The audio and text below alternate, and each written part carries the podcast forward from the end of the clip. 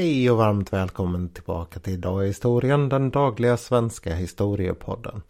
Jag heter som alltid Nils Hjort och dagens historia den är på många sätt och vis den raka motsatsen till gårdagens historia om Oskar Schindler. Vi ska bege oss tillbaka till året 1961 och platsen det är Schirmacher-oasen. Den här delen oas i namnet den ska ni inte låta er luras av. Därför att det här handlar inte om någon bördig plats som är lite sådär paradisisk mitt i en öken. Utan det handlar om en del av Sydpolen som inte är täckt av snö året runt. Dit hade sovjetiska myndigheter skickat ett forskningsteam i slutet av 1960. De hade först åkt i nästan 40 dygn på en båt för att komma till kusten. Och sen hade de tagit sig åtta mil in från den för att komma till den här Shirmacher-oasen. En av dem som var med, han hette Leonid Ivanovich Ragosov. Och han var läkare. Men i första hand på den här resan, man hoppades ju på att det skulle behövas så lite medicinsk expertis som möjligt. Så var han med som meteorolog och eh, chaufför. Han har senare sagt att eh, charmen med Sydpolen den försvann väldigt fort. Det tog en månad ungefär så kändes det inte särskilt exotiskt och spännande. Istället så satte en betydande hemlängtan in och den, den skulle han få slåss emot länge. Men när vi hinner ifatt Leonid och de andra i slutet av april då har han ett stort bekymmer. Mitt i all hemlängtan så har han upptäckt att han är sjuk. Och det är inte vilken sjukdom som helst utan han börjar snart misstänka att det är en blindtarmsinflammation. Han har ett allmänt obehag. Han känner hur smärtan börjar i övre delen av buken och sen flyttar sig neråt på högersidan. Och ganska snart börjar han få feber också. Eftersom han är allmänkirurg hemma i Leningrad, dagens Sankt Petersburg, så förstår han ju väldigt tydligt vad det här betyder och han vet också vad det innebär ifall man inte opererar i en sån här situation. Risken är ju, och den är väldigt stor, att blindtarmen kommer spricka när den blir tillräckligt eh, inflammerad.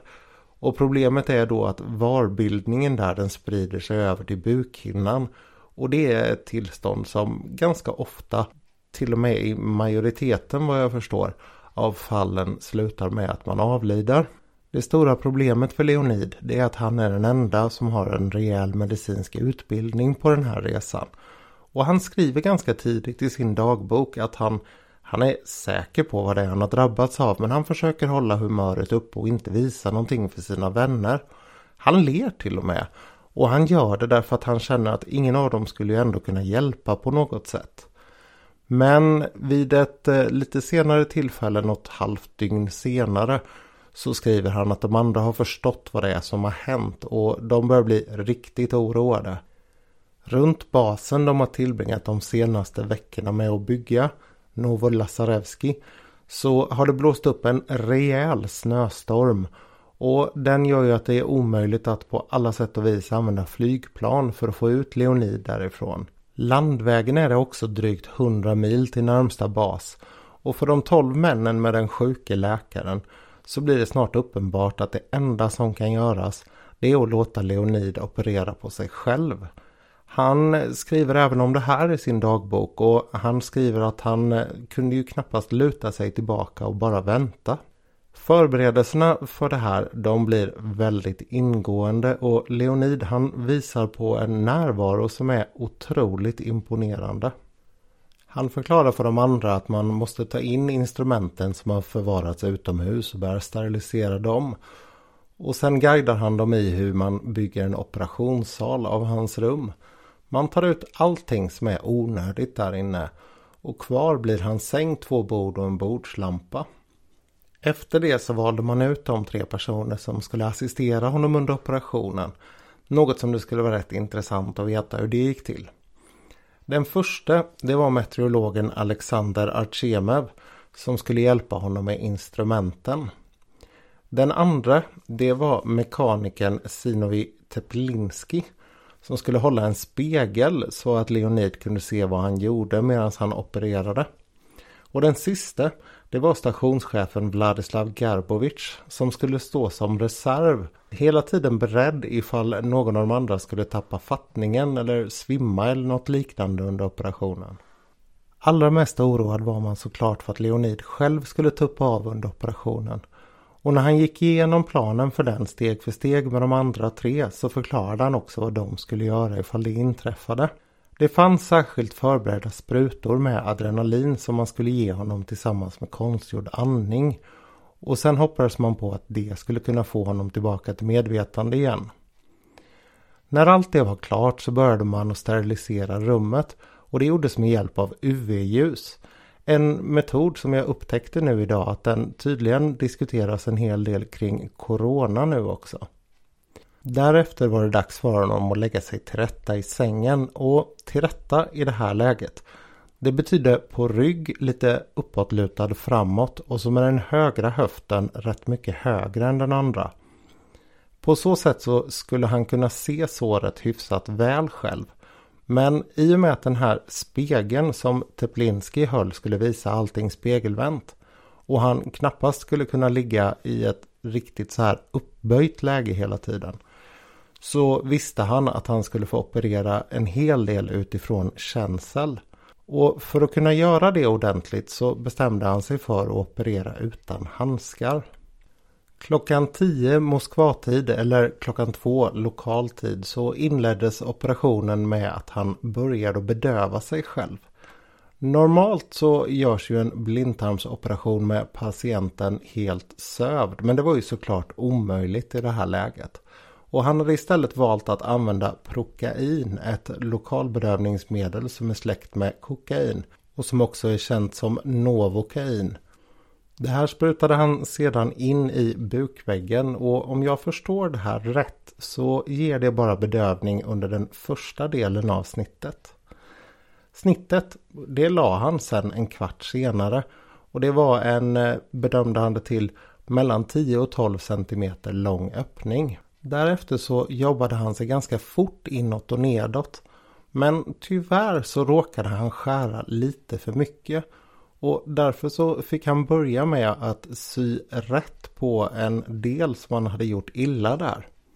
När han väl kom ner till den här blindtarmen då upptäckte han att den hade en väldigt illavarslande mörk fläck på sig.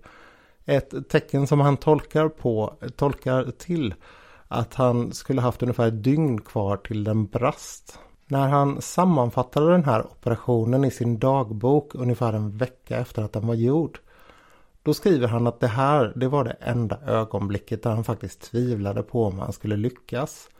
För det hade blött ganska mycket och han var väldigt, väldigt matt.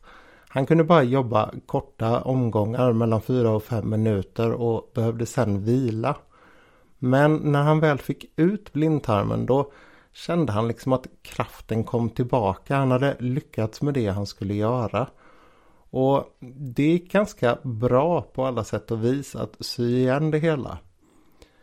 Två timmar efter han hade börjat, eller knappt två timmar efter han hade börjat, så var han klar och hade sytt igen såret. Han instruerade därför de andra i hur man skulle rengöra instrumenten innan han tog lite sömntabletter och somnade. När han vaknade dagen efter så kände han sig svag men febern den hade sjunkit och det var ju ett tecken på att det hela hade varit lyckat. Han skulle fortsätta med antibiotikabehandlingen och det är inte klart om det redan i det här läget började diskuteras hur de olika personerna hade upplevt det hela. Artjemej, Teplinski och Gerbovic de hade alla varit förståeligt väldigt skakade av det som hände. Artjemev han skrev i sin dagbok om det hela och han förklarade att det här gurglande ljudet som hade kommit från inälvorna medan han opererade det hade fått honom att eh, verkligen känna att han skulle vända bort huvudet och försöka springa därifrån. De andra två de hade efteråt berättat att de hade varit precis precis på gränsen för att svimma. Och Leonid själv han skrev att det sista han såg innan han gick in i någon form av automatläge där händerna gjorde det de skulle göra och han egentligen inte tänkte på någonting annat. Det var hur de tre männen runt omkring honom hade varit vitare i ansiktet än vad deras vita sjukvårdskläder var. Fyra dagar efter operationen så tömde han tarmen första gången och på den femte dagen så försvann febern. Den sjunde dagen så tog han stygnen och han menar själv att han var tillbaka i normal tjänstgöring efter två veckor. Ett ordentligt smolk i bägaren för den här expeditionen, den sjätte sovjetiska, det var att man inte kunde ta hem männen som planerat. Sommaren det året blev oerhört dålig och därför fick Leonid och de elva andra stanna ytterligare ett år på Sydpolen. När han väl kom hem då började han att jobba igen dagen efter att skeppet hade lagt till. Och ganska kort därefter så gick han upp med sin avhandling som handlade om operationsmetod på cancer i matstrupen. Leonid han skulle sen stanna i Leningrad och på den allmänkirurgiska mottagningen i resten av sitt liv. Han avled år 2000 och trots att man gjorde en stor grej av hans operation från Sovjets sida man jämförde honom med den samtidigt aktuelle Yuri Gagarin så var han själv väldigt blygsam när det kom till det här. Han kallade det för bara ännu en operation. Så hur unikt var egentligen det här som Leonid gjorde? Jo, det är faktiskt helt unikt. Det finns bara ett annat dokumenterat fall där en läkare har opererat ut blindtarmen på sig själv. Det gjordes 40 år före Leonid gjorde det, år 1921. Och det gjordes av en ganska udda läkare som hette Evan Kane O'Neill som jobbade på Kane Summit Hospital i staden Kane i Pennsylvania. Som jag gissar att Nick Kane gissar vid det här laget så spelade hans familj ganska stor roll för den här staden. Den var faktiskt grundad av en av hans förfäder och det är därför det här namnet Kane kommer tillbaka hela tiden. Evan han var en väldigt erfaren kirurg. Han hade gjort omkring 4000 blindtarmsoperationer. Och han var väldigt övertygad om att lokalbedövning var framtiden för kirurgin. Det här prokain som Leonid använde det var tämligen nytt när även 1921 bestämde sig för, för att operera ut blindtarmen på sig själv. Han ville dels göra det för att visa att lokalbedövning direkt alldeles utmärkt även vid en sån här operation. Men han ville också göra det för att själv få reda på hur en patient upplevde en sån operation. Det var inte de enda operationerna han gjorde på sig själv. Han amputerade även ett sjukt finger och opererade bort ett brock på sig själv när han var 70 år gammal. Den gången så tappade han dock medvetandet och en kollega fick ta över operationen. Och det var också han som fick signera verket. En ovana som även hade lagt sig till med där han istället för att rista in några initialer eller så i patienten gjorde ett K med bläck i morsesignal, lång kort lång. Men jag kan ändå inte låta bli att känna att Evans insats bleknar något bredvid Leonids. Att operera bort blindtarmen på sig själv på en kirurgisk avdelning med alla sina kollegor stående bredvid beredda att ta över om någonting skulle gå snett är naturligtvis väldigt imponerande. Särskilt om man gör det bara för att se hur det är och för att bevisa att man har rätt om ett bedövningsmedel. Men det är ändå något mindre imponerande i mina ögon än att göra det med livet som insats mitt i en snöstorm och på en av jordens mest avlägsna platser. Jag måste ändå ge den sovjetiska propagandamaskinen rätt i att Leonard Ragosa var en hjälte av stora mått. Att ta sig samman i den här situationen och göra vad han gjorde under de extrema förutsättningar som rådde är faktiskt alldeles fantastiska. Även om det är den enda vägen att rädda sitt liv. Och med det återstår bara för mig att tacka för att ni har lyssnat idag. Det var med glädje jag såg att det blev nytt lyssnarrekord när jag berättade om Oskar Schindler igår. Och jag hoppas att många av er har följt med hit idag. Imorgon så kommer jag tillbaka med mord i Karlsson på takets hemtakter. Tills dess, allt gott!